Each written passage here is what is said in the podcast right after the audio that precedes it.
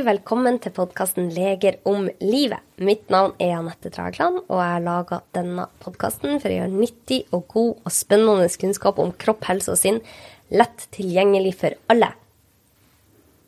I dagens episode har jeg kommuneoverlege i Kåfjord kommune, Anita Monsen Pedersen, med meg. Og vi skal gå inn på hverdagsglede og hverdagshelse og hvordan vi kan få det bedre i hverdagen. Hun Anita hun er fastlege, men hun er også spesialist i samfunnsmedisin. Hun jobber som kommuneoverlege, fastlege og driver legetjenesten i Kåfjord kommune. Hun er i tillegg veileder for studenter, LIS1 og LIS3-legene i kommunen, og er en kvinne med veldig mye pågangsmot og drivkraft. Hun er opptatt av ernæring og søvn og ja, alt som har med forebyggende helse å gjøre. Og eh, i dag så skal vi snakke om dette med forebyggende helse. Hjertelig velkommen, Anita. Takk skal du ha, Anette. Hvorfor er du så engasjert i forebyggende medisin? Jeg er jo eh, spesialist i samfunnsmedisin, og der er forebyggende helse en, en, av, eh, en del av det, den spesialiteten. Men jeg har jobba som fastlege siden eh, høsten 2016, og der møter jeg jo masse ulike individer som har sin ulike livsbelastning, sin hverdagslige symptomtrykk. Mm. Noen står i fare for å utvikle sykdommer, noen eh, har sykdommer de er under behandling for, som de er under oppfølging for. Og jeg har en sånn drivkraft i å få hverdagen deres bedre. Ja. Eh, så jeg ser jo hvordan det å være pasient i et system kan påvirke pasienten. Jeg ser hvilke bivirkninger som kan følge med medisiner, mm. f.eks. Eh, mye smerte, redsel, sorg. Og da har jeg så lyst å kunne gjøre noen ting for at akkurat det individet skal ha det bedre. Ja hva kan jeg da gjøre for å få ned medisinbruken, f.eks., sånn at de slipper de her bivirkningene. I dag føler jeg at vi behandler mange bivirkninger med nye medisiner igjen. Mm. Sånn at istedenfor å behandle et høyt blodtrykk, så vil jeg heller stille spørsmålet hvorfor har du høyt blodtrykk? Hva er grunnleggende årsak til det? Hva kan jeg gjøre med den årsaken? For å bruke en sånn illustrativ sammenligning, om du ser en fuktskade i et hjørne på huset ditt, og så har du altså innvendig du ser eh, tapeten er fuktskada, listen er fuktskada, så kan du bytte ut tapeten og bytte lista, så ser det fint ut. Mm. Samtidig som du sammenligning med kan du sette på en blodtrykksmedisin, så ser det jo fint ut. Men du har jo ikke funnet ut av årsaken. Er fuktskaden noen som det var tilfeldig utenpå har tømt vann der som har fått ligge litt for lenge, eller har du en vannlekkasje i veggen mm. du burde ha stoppa istedenfor? Og det er den årsaken jeg på en måte er litt eh, nysgjerrig ute etter. Er det ting underliggende her jeg kan få tak i som gjør at pasienten kan bli kvitt det her? Trenger ikke å stå på medisin, trenger ikke å komme hit og ha de her hverdagssymptomene. Og jeg kjenner at jeg blir sånn varm i hjertet mm. når du snakker, Anita. For mm. det, jeg er så glad for at du har så fokus på dette. Og de har gjort mm. utrolige endringer i Kåfjord kommune. Det er mange mennesker som har endra livsstil pga. det engasjementet ditt og dine kollegas eh, engasjement. Og det å kunne se på eh, mennesket som helhet, og se på årsaken til hvorfor vi har de plagene òg, er jo så viktig. Mm. Og det ofte så er det jo mye av den samme årsaken som ligger bak mange ulike livs, eh, livsstilsplager, da. Mm. Og stress har vist seg å ha en stor innvirkning på helsa vår. Hvordan påvirker stress det hele? Stress er jo en uh, naturlig respons du har i kroppen som du evolusjonsmessig skal ha. For å sammenligne, hvis du møter en eh, fare, altså står du foran en sulten løve, så skal du jo ha eh, system som hjelper deg å kunne overleve den faren du står i. Og da har du en stressrespons eh, som aktiveres. Eh, som det går fra topplokket, det er noe sånn kjertel der som heter hypotalamus, og videre til hypofysen, som på en måte gjør kroppen klar for en eh, kamp- eller flyktsituasjon. Og da skal kroppen på en måte optimalisere det du skal stå i. Så Da går det signaler fra topplokket og ned til binyrene. Eh, det skilles ut adrenalin, noradrenalin. Det gjør at alt ifra pupillene utvides. Du skal på en måte ha mye bedre skarpsyn. Du skal på en måte være klar og se alle endringer i miljøet rundt deg. Til at musklene får eh, veldig mye mer blod. Altså at blodsirkulasjonen øker til musklene musklene går i helspenn. Du, på en måte, eh, du er veldig klar for no, noen kamp eller flykt, altså at du er klar å bruke musklene. Mm. Pusten øker, på en måte du skal ha optimalisert surstoffnivå. Mm det som eh, reduseres, er jo eh, blodsirkulasjon til tarmen, fordi at du trenger ikke å fordøye maten her i denne kamp-flykt-situasjonen. Så den, eh, blodsirkulasjonen dit nedreguleres, og det er jo ikke heller da du legger deg og sover hvis du, sitter, hvis du er foran en løve som vil spise deg. Nei. Sånn at hele systemet settes i gang på å klargjøre deg for å, å kjempe mot denne faren, eller mm. flykte fra den. Og vi har jo bare ett sånt system. Og i dagens samfunn, i trygge, lille Norge, står vi jo sjelden foran en direkte livstruende situasjon. Det er ikke den vanlige faren vi på en måte står overfor, men vi står overfor mye annet stress relatert. Og det er alltid fra å grue seg til en eksamen. Eh, det kan være stress på jobb, og tempoet er høyt. Stress kan også være mangel på søvn over tid i småbarnsfasen. Det kan være sykdom, at du har bekymringer. Det kan være smerter. Det er veldig mange ulike årsaker til stress, mm. men det aktiverer det samme systemet. Mm. Så at å gå rundt og ha en stressbelastning over tid, da vil man jo kjenne på at musklene er anspent. En muskel som går rundt og er klar og aktivert og på hugget over lengre tid, begynner å bli sliten, den begynner å bli um, øm å bruke. Den, er jo, den, den, har, den har gangsperr.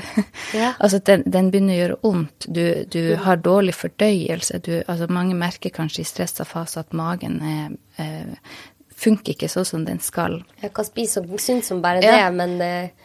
Men at det, ja, du kan sove dårlig, du, altså, eh, du får dårligere immunforsvar, du blir lettere syk. Så det er akkurat samme system som iverksettes uansett årsak til stress. Mm. Men stress kan være positivt, den gjør deg jo skjerpa. Skal du til en eksamen eller eh, har du det mer travelt enn andre, så blir du kanskje mer effektiv. Så stresset på en måte er positivt. Det, det er skummelt og eh, ugunstig når den ikke slipper tak, når du ikke finner hvile, eller når du ikke får hvile. Og det er da man må gjøre noe med det, når det begynner å gi deg hverdagsplager, hverdagssymptomer. Ja. Og det er jo et Altså WHO, mm. Verdens helseorganisasjon, sier at det er en verdensepidemi. Mm. Eh, jeg, har gjentatt dette flere ganger mm. i podkasten, men én av tre opplever stress daglig. Mm. Kanskje enda mer her i Norden, jeg vet ikke. Men jeg, jeg, jeg føler i hvert fall at stress er overalt. Og jeg selv har vært som en stor stressklump store mm. deler av mitt liv. Og det tærer jo på helsa vår, som du sier. Mm. For at de funksjonene som skal fungere, fungerer ikke optimalt. Fordi at vi tror hele tida at det er en fare som ligger bak oss, og vi må passe på. Mm. Hva er det som motvirker stress, sånn som du ser det? Det jeg tenker først og fremst står har, har du en stressa periode, eller har du mye stress, så er jo min tanke først og fremst å ta bort stresset, ta bort årsaken. Så er det årsaker som Altså, en ting er å grue seg til eksamen, det går jo over. Ja. Årsaken at det er veldig stressende på jobb, så må man jo prøve å tenke og fjerne det stresset med å organisere ting annerledes. Mm. Eh, jeg kan komme med konkrete tips som å har man, mye, har man det veldig travelt, så start uka med et møte med deg sjøl i timeplanen. Ja. Eh, organiser uka. ikke sant? At man på en måte prøver å få et system som fungerer, som da er bærekraftig, altså ta bort stresset. Men det er ikke all stress man kan ta bort umiddelbart. Er det stress pga. Eh, sykdom, kroniske sykdommer eller kroniske smerter, eller er det på en måte en småbarnsfase kan jo vare over mange år, f.eks. Mm. Så er min tanke at da må man jo heller tilføre si, antistresshormoner, for stress er jo noen hormoner. Det er jo adrenalin, noradrenalin annet, som er sånne stresshormoner. Mm. Men da er min tanke at man kan eh, hvis man ikke kan ta bort årsaken til stresset, for det tenker jeg er først og fremst eh, løsning, da. Mm. Men hvis man ikke kan ta det bort, så må jo heller løsninga da være å tilføre mer av de gode hormonene, de fine hormonene, som da kan redusere virkning av det stresset. Så om du har en eh, om du har konkrete bekymringer du ikke kan fjerne, f.eks., så kan kanskje dagen kjennes litt bedre ut med å tilføre mer av det gode, selv om ikke det fjerner årsaken til det dårlige stresset. Og hvordan kan man gjøre det? Da er det jo de, måte det, det er flere gode hormoner i kroppen. Eh, lykkehormonet dopamin f.eks. er jo sånn, Dopamin er det som frigjøres når du har sånn lykkerush, hvis du eh, mestrer noen ting eller kjenner på noe veldig bra. Eller det frigjøres bl.a. ved fysisk aktivitet. Mm. Hvis du får opp pulsen, så er det jo å øke måte øke det At man da gjør Altså oppsøke sånne ting som på en måte da gir eh, frigjøring av de her eh, hormonene. Endorfiner. Endorfiner. Og andre hormoner er serotonin f.eks., eller oksytocin. Eh, oksytocin er jo sånn her nærhetshormon. Ja. Det får du jo mange Mange kjenner jo igjen fra Jeg har kanskje hørt det gjennom amming og sånt, men hudkontakt i seg sjøl frigjør oksytocin, og det får du jo på en måte fra partner, kanskje. Eller på en måte bare en god klem fra en venn, ja. så frigjør det oksytocin. At man kan tilføre mer av de gode, gode hormonene. Og det har jeg sett selv. altså Jeg går jo med en klokke som viser liksom hvordan pulsen min er, og mm. pulsvariasjon HRV. Og det er to ting som umiddelbart gjør at jeg går i blått. Altså at mm. jeg er i lading, at jeg har lav puls og er rolig. Selvfølgelig, eh, hvis jeg spiste et stort måltid, så mm. gjør jeg ikke det. Men hvis jeg leser bok, mm. så går jeg rett Altså pulsen min senker seg med en gang. Så det er sikkert derfor jeg er så glad i å lese. Mm. Det har vært en måte jeg har fått ned stress hele livet på. Men nummer to er hvis jeg har sitter med en av guttene mine. Nær meg. Eh, særlig hvis de sitter på fanget mitt eller har handa rundt de eller sånn. Mm. Da, det skjer noe der. Det er sannsynligvis oksytocin og hudkontakt. Mm den nærheten, den tryggheten, gjør at pulsen min bare automatisk mm. senker seg.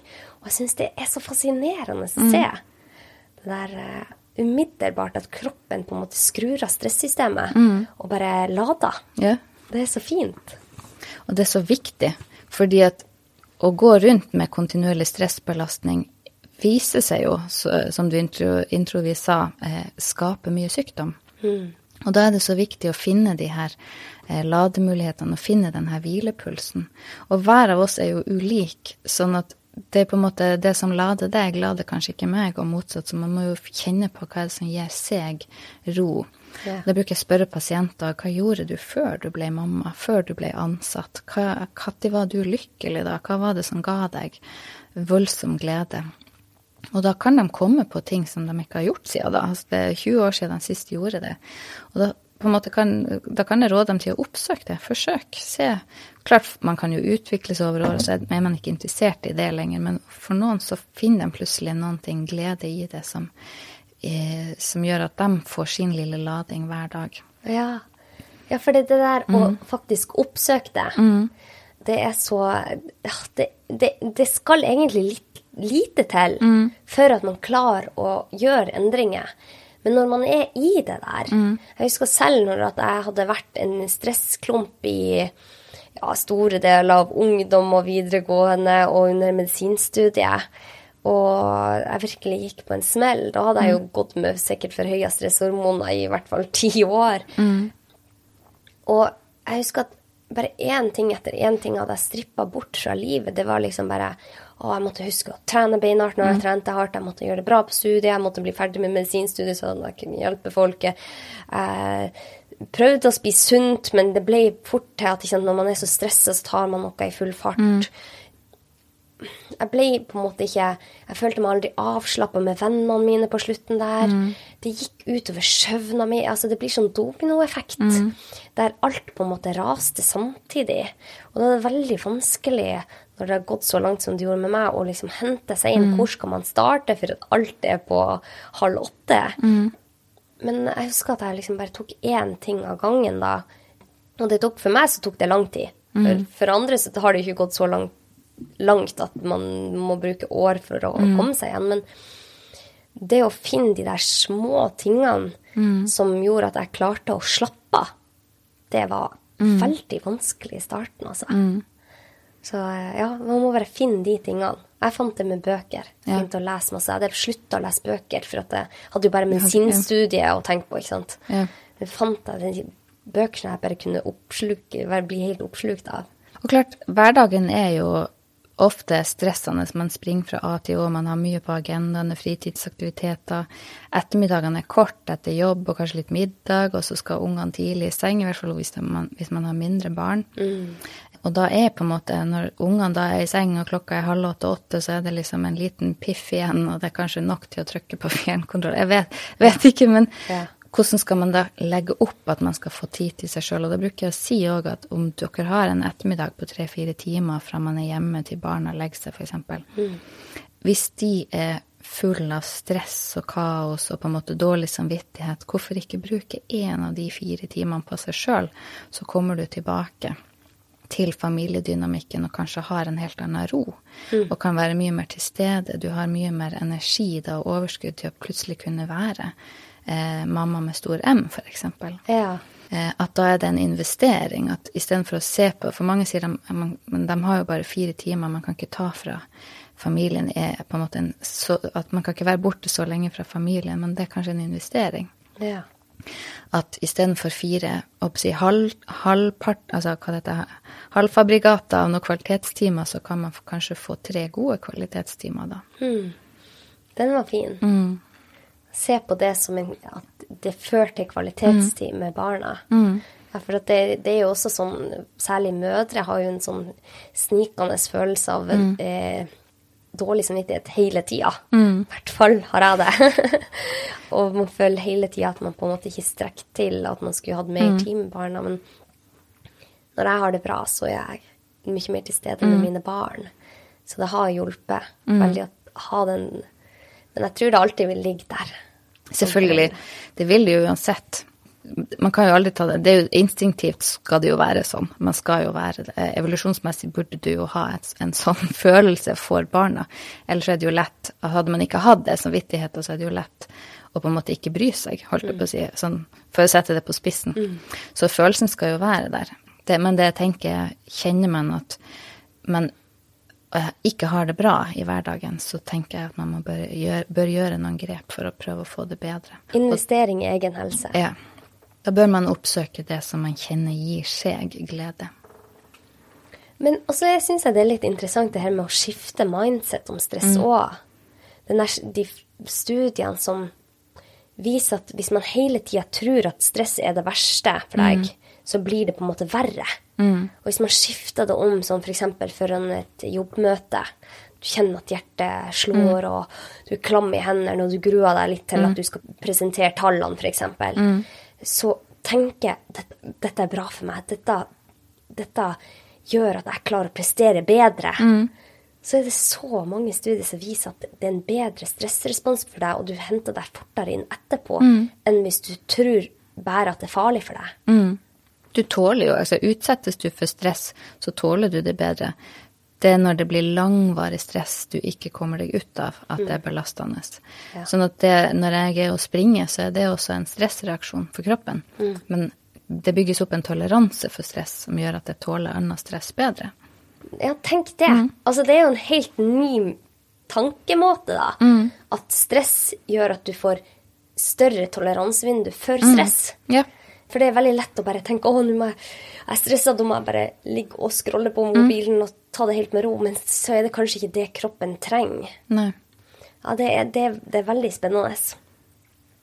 Har du noe mer du ønsker å si om stress, for vi skal gå over til hverdagsglede, for det er du veldig engasjert i og opptatt av? Ikke sånn konkret om stress. Nei. For eh, hva, hva er dette med hverdagsglede? Jeg var på et kurs eh, i Legeforeninga om oppsi hverdagsglede, som bare skulle ha, være på en måte Kurset var liksom for leger med tanke på hvordan kan du redusere stress i din hverdag, men det er jo gode grep som da som på en måte er tilgjengelig for hele befolkninga, uansett eh, bakgrunn eller eh, livsbelastning. Uansett så vil de samme grepene gjelde for, for alle. Ja. Og da sa de at det her var og Vi har hørt om fem om dagen når det gjelder frukt og grønt og sånne ting. Og så var det for masse år siden noen som skulle lage de samme grepene når det gjaldt mental helse. Eller psykisk helse, hverdagsglede. At man skulle finne fem grep som var universelle, som kunne gjelde for alle. Og da gikk man og samla store studier. Eh, Det var noen metaanalyser av hva for noe det her be, eh, Det er ikke mitt felt, det her. eh, Men de fant gjennom, gjennom forskning fant de ut, eh, kom de fram til sju grep først, men de korta det på kurset, sa de at det ble etter hvert korta ned til fem. At det liksom var ikke gjenkjennbart fem om dagen. Ja. Eh, som da kunne være gode grep som alle kunne gjøre, uansett eh, på en måte, uansett eh, livsbelastning eller hverdag. Ja. At det her eh, kunne alle ha nytte av. Eh, og da gikk vi gjennom de fem grepene, og det er jo si hverdagsglede. Det, det ligger offentlig på nett òg, jeg husker ikke, det er en egen nettside. Jeg kan legge det ved Ja. episodeinfo. Ja. Så man på en måte man kan velge å ha aktive kurs i det, eller så kan man få bare kort informasjonsnytt, eller bare lese jeg håper å si, mitt innlegg på, på hjemmesida i kommunen, Ja. eh, som da skal si noe om fem konkrete ting som kan eh, øke hverdagsgleden. Og hva er disse? Nå ble jeg veldig eh, nysgjerrig. Ja. Punkt én så handler det om å være oppmerksom, altså være i nuet. Og da er det jo på en måte litt dypere, hvis man går litt dypere i det, så handler det om er man til stede i øyeblikket, så kan du ta til deg det som skjer der og da. Eh, alt ifra håper jeg, klisjeen om en vakker, fin sommerfugl som lander på et blad, eller altså at du på en måte syns at, kan, kan synes at det er litt søtt. Eller så kan du på en måte se på gleden av eh, sønnen din som mestrer noen ting, eller altså at du kan kjenne noe positivt i nuet, her og nå, at du kan fange opp øyeblikket. Og det med å være til stede i nuet, så er du jo bare her og nå. Du tenker ikke på fremtida, det er ikke noe du gruer deg til. Du har ikke bekymringen fra fortida. Altså her og nå så kan du liksom Ah, det her var fint. Og så kan du få en sånn øyeblikksro. Ikke minst så kan, har du noe fint å se tilbake på. Tross bekymring eller smerte eller eh, sykdom, så har du på en måte, hvis når dagen er over, så kan du kjenne på de fine øyeblikkene du har vært igjennom. Og du husker jo ikke de øyeblikkene hvis ikke du er bevisst. Ja. Sånn at hvis du scroller gjennom dagen på kvelden og ikke har vært bevisst de her små, små øyeblikkene, så husker ikke du dem. Da husker du eh, kaoset i krysset, eller på en måte hun som krangla på butikken, eller Altså at, at du Da husker du på en måte ofte det som skaper litt negative følelser, for det setter seg kanskje litt fast når du blir irritert eller et eller annet. Ja. Men hvis du går og tar til deg det gode som er rundt deg, så husker du kanskje mange av de fine tingene òg. De setter seg på et annet vis. Det jeg, jeg lurer på om det var i en podkast fra deg, eller hvor jeg har hørt det, um, det her med hvorfor barna syns at uh, tida går sakte, eller hvorfor, hvorfor barna syns at uh, ja, tida går saktere enn oss voksne som bare syns at alt er et svosj. Og da handla det om at de hadde så mye inntrykk hver eneste dag. De lærte så mye nytt hver eneste dag. som gjorde at de huska veldig mange ting fra hver dag. Mens vi voksne kanskje har blitt mer vanedyr, ting er mer rutinert. Ting går mer på automatikk, og da har vi ikke så mange Hvis vi, ser, hvis vi alle nå ser tilbake på sommeren, så vil kanskje barna ha veldig, veldig mange flere minner fra sommeren enn det vi har. Men vi har jo levd de samme sekundene. Ja. Men barna har vært til stede i øyeblikket og Ja. har så mange øyeblikksminner. Og har kanskje tusenvis av minner fra hver dag. Altså de små, små, små små øyeblikkene. Mens vi har vært i de vane, vanene vi har, og husker kanskje den grillkvelden eller det bålet en gang, eller ja. Men vi har vært mye i vårt eget hode. Ja, vi har stressa i, i fortid eller framtid Ja. og hatt så mye vi planlegger og sånt, sånn at vi husker ikke de her små, små tingene. Men man kan øve opp hjernen til Ja, å være mer i nuet. ja. Være mer som et barn. Ja. Altså, vi vet jo alle hvor, hvor vanskelig det er å få et barn ut av nuet Mm. hvis de har det gøy. De er så til stede i nuet. Mm. Og vi kan trene opp hjernen vår til å være sånn igjen. Vi kan det. det er man bevisst, så, så får man det til. Men da må du, du må, man må starte med bare å være litt bevisst. Ta til seg det som er. Jeg, jeg prøver å øve på det ved å f.eks. bare når jeg sitter av og til bare Å ja, her satt jeg. Mm. Hm. Hvem er jeg? Ja, her, her er jeg Mm. inni mitt hode. Altså, bare sånne små ting, bare sånne Mm. mikrosekunder i løpet av dagen, gjør at jeg har mye lettere for å konsentrere meg om andre ting òg. Ja, OK, spennende. Så det å være i nuet, det er viktig for Det er viktig for hverdagsgleden. Hva annet har vi? Eh, det handler om å være aktiv. Det er jo den vanlige mantraen å være fysisk aktiv sånn og sånn. Eh, det er vel ingen konkret studie som sier akkurat hvor fysisk aktiv, akkurat hvor høy puls eh, man skal ha sånn og sånn. Jeg liker ikke å ha så mye studie konkret, men bare det å være aktiv, få opp pulsen, røre seg. Vi er jo skapt for å være i bevegelse. Ja, Ja. Vi er jo skapt for på en måte å bruke muskulaturen. Og det skiller jo ut de her fine hormonene, dopamin, serotonin. Altså at når du, når du har aktivitet, puls, så eh, skaper det gode hormoner nettopp for å på en måte tåle det stresset som den aktiviteten utsetter kroppen for. Og det er så vanskelig når man er stressa, å faktisk orke å komme seg ut av sofaen, f.eks., for, for man er så sliten. Men det gjør at jeg, syns jeg liker så godt det der bildet. Du sier ikke sant, toleransevinduet ditt. Du tåler mer stress. Du utvider din egen, ditt eget vindu, da. Den der gåturen vil hjelpe. Ofte når man er sliten, eh, så er det kanskje ikke fysisk sliten man er. Jeg, vil si at å være fysisk sliten er jo hvis du faktisk kommer fra en lang fjelltur. Da kjenner du jo at nå er det godt å sitte i sofaen. Men den slitenheten mange beskriver, er jo ofte ikke det å være fysisk sliten, altså at musklene er oppbrukt, glykogenlagrene er tom. Det er jo ofte en mental slitsom eh, følelse man har fordi at det er kaos, det er bekymringer, hva for noe. Og da er det jo desto viktigere å bryte det med å komme seg ut. Luftetur, natur, bare se naturen. Elementene, vi mennesker er jo alltid fascinert av elementer. Vann og ild. Altså det gjør noe med oss. Vi finner en sånn meditasjon i det. Det var godt sagt. Vi er glad i elementer, ja. Det er det vi har utvikla oss med. Ja, og det er jo min meditasjon å springe. Det er da jeg rydder i hodet mitt. Jeg kan møte 15-20-25 pasienter hver dag.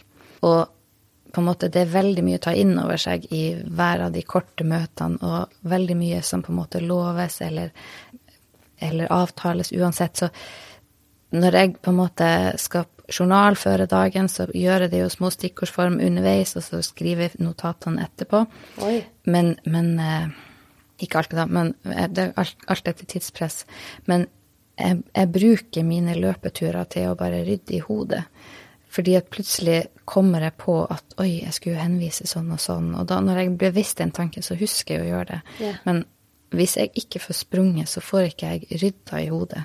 Og det går eh, Jeg tåler det dårlig dag to, tre, for da har jeg dårligere hva det heter, jeg, jeg har mindre kapasitet til å ta inn nye ting. Jeg kjenner at det er fullt der. Jeg har ikke fått rydda ut all usikker... Hva er det jeg har glemt nå? Jeg har liksom ikke gått gjennom de forrige dagene med, med alt av inntrykk. Eh, og da kjenner jeg at jeg har mindre kapasitet til å ta imot alt nytt, for da, er- da kan en stressa dag være veldig stressa. Ja. Men når du får sprunget og fått på en måte rydda hodet, så har du tipp topp eh, klare til neste arbeidsdag. Og får på en måte, og kan ta imot alle de nye inntrykkene den dagen. Jeg syns det er så fascinerende når jeg f.eks. løper mine motbakker eller eh, er i naturen. Altså hvor mange ideer jeg får. Ja. Hvor masse som plutselig kommer til meg. Det er da jeg får ikke bare ventilert alt stresset bort, men jeg får også liksom eh, kommet i kontakt med ressurser som jeg ikke ellers får kontakt med. Jeg, vil si at jeg jobber når jeg springer. det burde vært lønna arbeidstid. Ja, men det burde For det det er veldig mye problemløsning når man eh, springer. Ja, det er helt Sånn utrolig. utrolig mye, eh, som du sier, løser seg. Men altså, at man kommer på herregud, det kan jeg jo prøve med denne pasienten eller den utfordringa, eller sånn kan jeg jo organisere det. At man finner løsningen. Mm.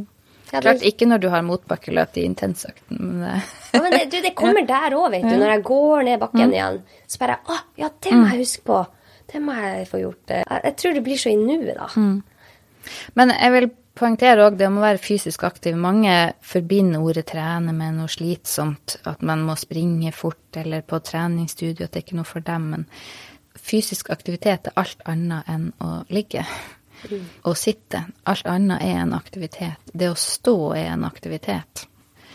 Sånn at folk på en måte Terskelen for aktivitet er ikke liksom på å si slitsomt. Altså at man kan gjøre alt som man liker. Det å være ute i hagen og holde på med hagen er også en aktivitet. Det er alt annet enn inaktivitet.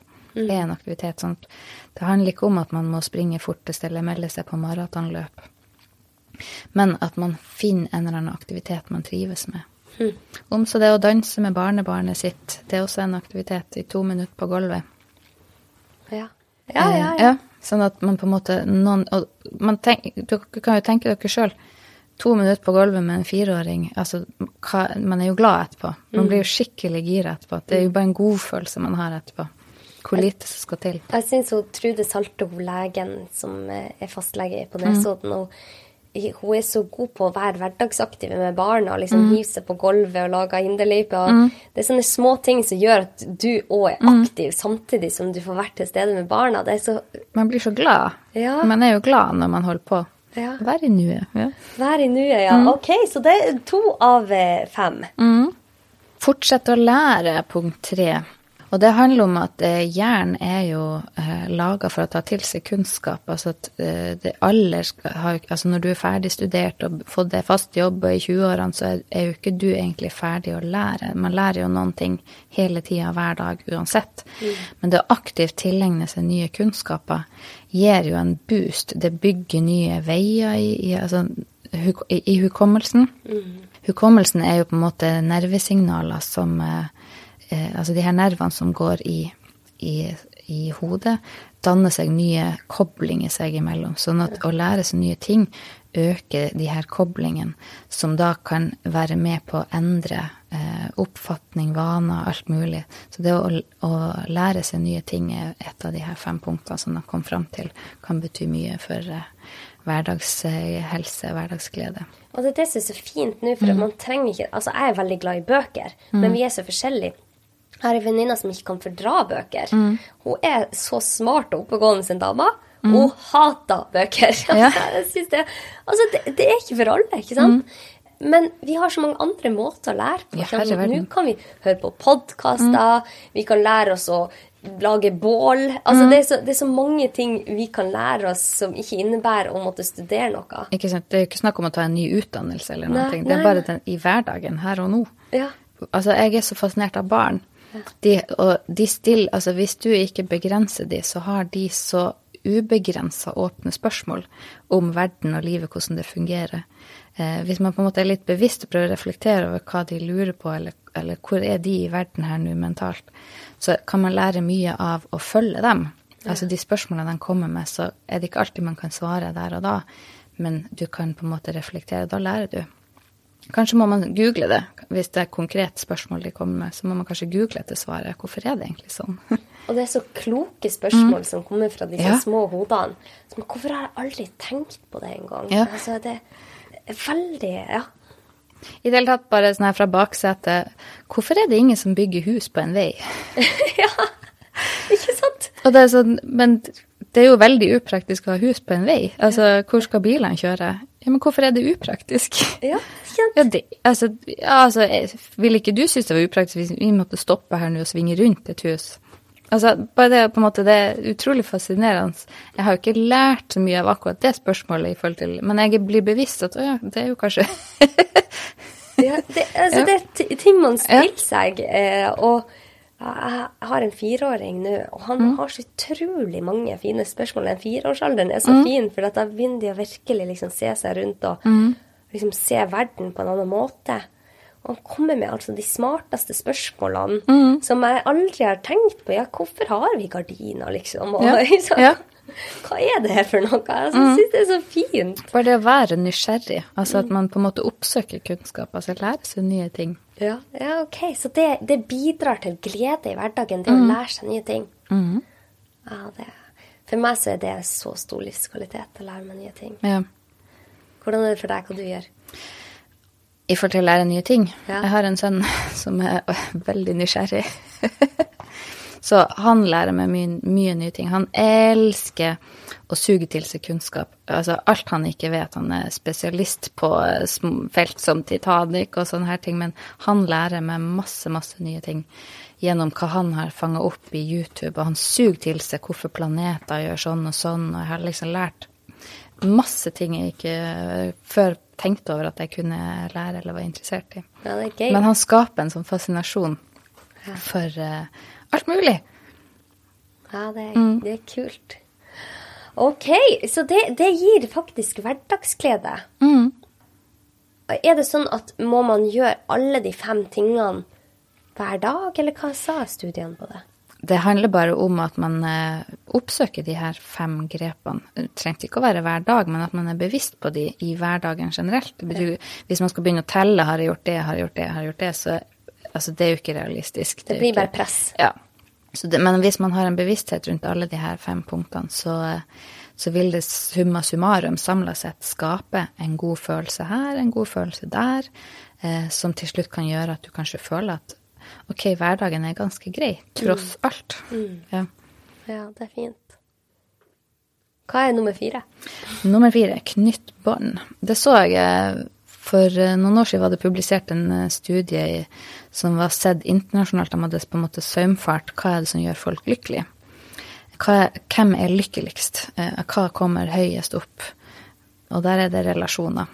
Ja. Eh, Vi mennesker er jo flokkdyr. Vi hadde jo aldri klart, evolusjonsmessig klart oss alene hvis vi på en måte Vi har jo ikke fysikken eh, alene kunne kjempe mot løver eller hva for noe. Altså vi er flokkdyr. Vi, vi samla er vi liksom sterke. Så det å ha relasjoner er kjempeviktig. Eh, alt ifra på en måte mm, si familien, gode venner, men også naboer. Det å si hei til en nabo, eh, et smil. Hva, en hva, hva gjør ikke en sånn anerkjennelse at man på en måte blir sett, og man, man på en måte betyr noe for noen? I det hele tatt kjæledyr kan til en viss grad erstatte kontakt med mennesker, det å ha en relasjon. Kunne på en måte ha en hund man passer på, at man på en måte har en har, har noen nære kontakter. Som du har omsorg for, og ja. eh, Det, relasjoner går jo i alt. Det, det er ikke bare for mental men også for fysisk helse. Og det er det jeg syns er så fascinerende, for det gjør at vi er ikke så satt som vi tidligere trodde. Det at relasjoner skal ha så stor påvirkning på vår fysiske helse, var jo på en måte ganske uhørt å snakke om for 20 år siden. Men nå ser vi at det samspillet der er kjempeviktig for oss. Det her f.eks. Med, med de nære relasjonene, hvor man kanskje har kroppskontakt, nærhet, om det er til partner eller barn. Hva hudkontakt eh, har å si. I det hele tatt, altså berøring og stryk Jeg leste en plass hvis du stryker med en viss hastighet, så stimulerer Stryk over huden med en viss hastighet, så stimulerer du optimalt nervene som på en måte skaper en sånn mest utskillelse av oksytocin. Jeg husker ikke tallene på det. Men eh, oksytocinet skilles ut, som er på en måte en sånn eh, eh, tilknytningshormon som direkte roer stress. Og det sa du også innledningsvis, eh, at du så at du fikk blått på eh, HRV. Eh, Det samme ser jeg òg hvis man på en måte ligger inntil noen og blir pjuska på ryggen eller noen ting. Eh, Det på en måte, altså Klokka sier jo at du sover nesten, fordi at man er i så dyp hvile. Og det tror jeg er Så- veldig Vi har brukt det for lite. Jeg husker så godt hun mamma leste en bok om en urbefolkning som var i Sør-Amerika, tror jeg. Nå husker jeg ikke hva boka heter. Men hun bare kom til meg og sa eh, Vet du at i denne, disse jegersamlerne Hvis én er syk, så er det noen andre som tar på de hele tida helt til de blir friske. Om de har et knekt bein eller en forkjølelse, så er det noen som er på vakt og holder på de. Så bytter de på hvem som skal ta på de. Og hun som skrev denne boka, var så overraska hvor raskt friske de ble. Ja. Så det, den der menneskelige kontakten, den, det er noe vi har ja, vært opptatt av i alle år. Jeg leste sånne her små studier om sår, tilheling. Par med, med gode, en god relasjon. De, de hadde en sånn gruppe med, eh, med altså de, Jeg vet ikke hvordan de la opp studiet, men det var, det var en liten studie, så det er jo ikke nødvendigvis signifikant. Nei. Men da så de at par med gode bånd eh, og tett, altså mye nærhet, der grodde sårene raskere. Tenkte jeg. At du hadde en, en Og jeg kan jo forstå fysiologien, for hvis du får ned stressresponsen, så har du større effekt av immunforsvaret. Ja. For stress hemmer immunforsvar. Sånn at får du ned stressresponsen, om det er å bli pjuska på ryggen eller andre, andre hormoner, så får du ned stressresponsen, så, så tilfriskner kroppen raskere av ikke bare sår, men kanskje andre ting òg, eller hemmer sykdommer fordi at immunforsvaret er sterkere. Tenk det. Alt henger sammen med alt. Alt henger sammen, ja. Så det er veldig fascinerende. Og så tenker jeg i forhold til hvor mange par går ikke rundt og på en måte kanskje har glemt hverandre i en fase med småbarn, hva for noe. Hva tror den bekreftelsen bare av å ta på partneren din når du går forbi han, står med oppvasken eller noen ting, den anerkjennelsen, den bekreftelsen, den bitte lille berøringa der gir, eh, hvor god, mye gode følelser som kan ligge i en sånn bitte liten berøring som tar et lite sekund når du går forbi. Ja, det har mye å si, altså. Mm. Så det å være i kontakt med andre mennesker, Ja. det er viktig for vår mentale helse. Det er det viktigste, sier de med de store studiene i forhold til lykke. Så er relasjoner viktigst av alt. Og hvis man ikke har eh, barn eller ikke har samboer, så kan man også få det gjennom venner. Og så det med bare sånne små Altså, jeg merker hvor glad jeg blir når jeg bare snakker med det, er et, eh, en kafé attmed her jeg bor, som jeg er på av og til når jeg skriver og sånn, så har jeg jo blitt litt kjent med de som jobber der. Og jeg blir så glad når jeg treffer de og eh, ikke sant, kan fornavnet. Det, det gir meg glede. Ikke sant. Og så vet jeg jo, eh, man ser jo i offisielle tall òg at veldig mange bor alene. Veldig mange ensom. Ensomhet er kanskje en, eh, en eh, folkehelserisiko man har i samfunnet i Norge i dag. For veldig mange bor isolert alene, de isolerer seg. De, eh, de har kanskje ikke så stort nettverk. Og da, hva kan man gjøre da? Man må jo på en måte oppsøke det som er i nærområdet. Er det noen hobbyer du kan finne? Eh, på en måte andre igjennom har, hvor man har felles interesser? Skjer det noe aktivitet i nærmiljøet man kan oppsøke? At man bryter denne ensomme isolasjonen og finner en, en eh, tilhørighet i en eller annen gruppe. Ja. ja det, det å føle den der tilhørigheten. At eh, noen er der. Ja. Ja. Det er den som er så viktig. Hm. Nå er jeg veldig spent på hva den eh, siste er her, altså. Å gi. Å gi, Å ja! gi. Åh, hun Maya Angelo, eh, hun som er, hun er aktivist. hun sier så fint If you get, give. If you learn, teach. Og det syns jeg er så fint.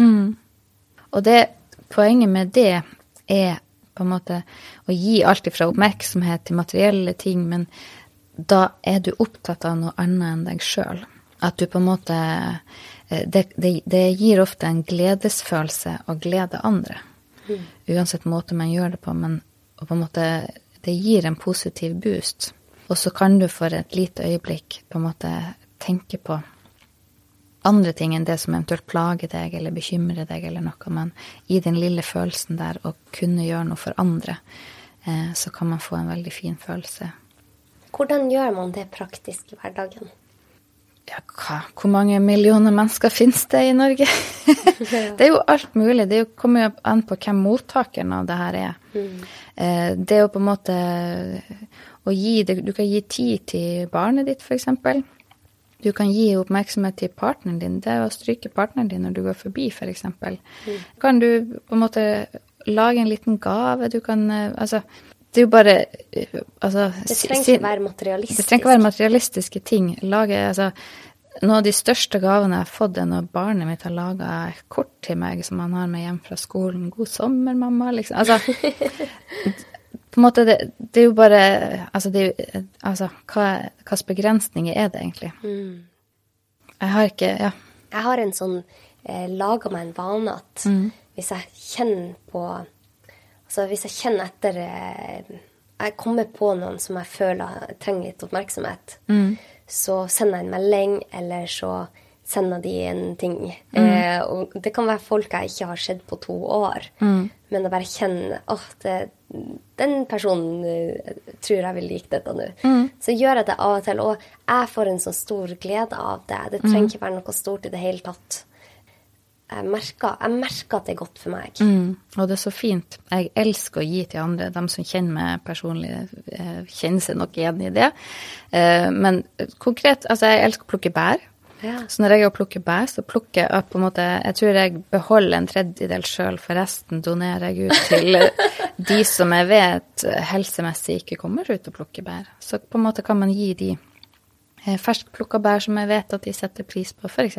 Å, det er fantastisk. Jeg, har, jeg har verdens beste nabo som heter Ingrid. Og hun vet hvor glad jeg er i blåbær. Og hun kommer med en sånn liten krukke med blåbær av og til. Og det bare, altså, det er den beste gaven jeg kan få. Jeg liker også det. Når man på en måte Ja. ja. Ja. Å, det er fint. Ja, så disse fem små tingene kan ha kjempestor effekt på vår helse. Det er samla sammen de her fem grepene fordi at eh, de har samla resultater i studier som viser at det er de mest fem, nei, fem mest effektive små grep du kan gjøre for å bedre hverdagsgleden. Bedre lyk lykkefølelse, lykkehormonene. Det har vært morsomt å prøve det i 30 dager, da. Hvis man, hvis man har, det, har det litt vanskelig. Prøv det. Ikke hver dag, selvfølgelig, alle de tingene som du sa, men bare liksom tenk over på en søndag. Hvordan var uka? Se om det har noe effekt. Eh, Og jeg tenker bare sånn Hvor fint det hadde vært å lære barna våre det her. Men jeg tenker, hva, ville, hva er det du gjør? Hva gjør at du får energi? ja, um, jeg For uh, jeg har jo en krevende jobb. Ja, Og du jobber veldig, veldig mye, har jeg skjønt. Jobber veldig mye. Jeg er også uh, alenemamma halve året, hvor jeg har en sønn jeg tar vare på. Sånn at det er på en måte Det er kjempeviktig for meg å også da ha kilde til energi.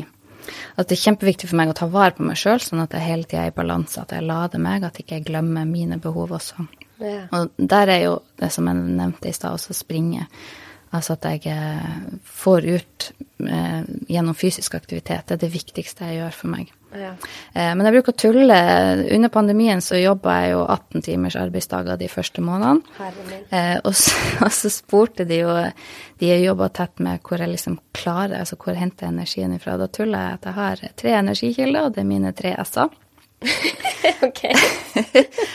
Og da er det å springe, og så spise riktig, og så på en måte tuller jeg hva, hva tror dere det siste var?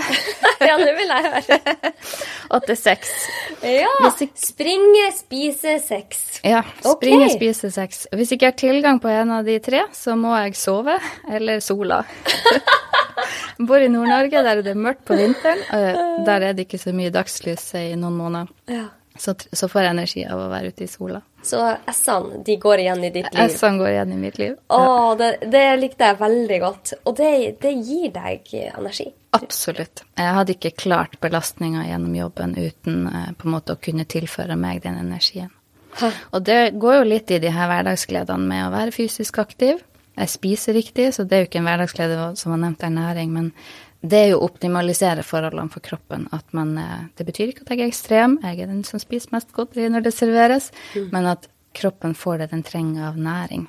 Ja. Og så eh, sex er jo hudkontakt, nærhet, relasjoner. At det, det er kjempeviktig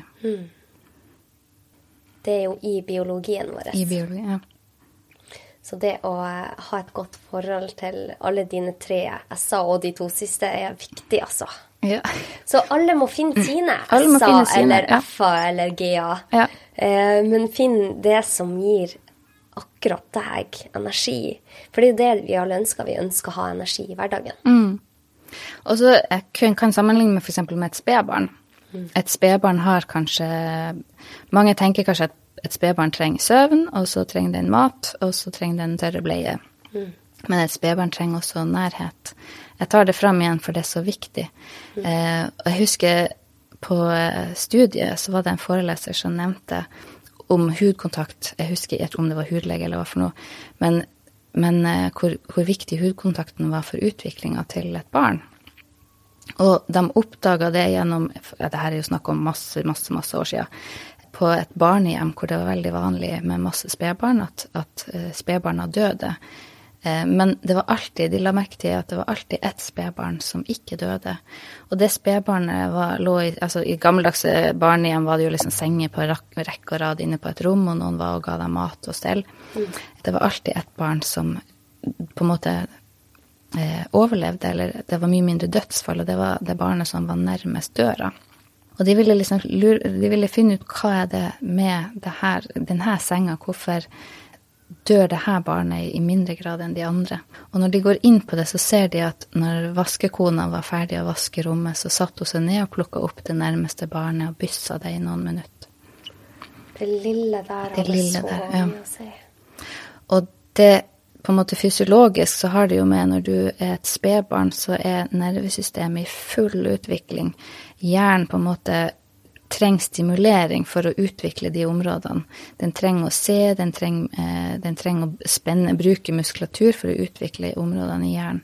Og huden er jo også et organ. Den regulerer temperatur, eh, saltbalansen, fuktighet Altså, den regulerer mye, men berøringa er jo også en del av utviklinga for å styrke følelighet og sånt. Og i total fravær av det, så vil man på en måte henfalle. Ha. Tenk det. Og når du da har de her basale behovene hos et spedbarn, altså at et spedbarn må sove, et spedbarn må spise, og et spedbarn er helt avhengig av nærhet og kroppskontakt, så er det jo ingen grunn til at vi ikke har de samme behovene når vi er voksne. Den er jeg enig i. Mm.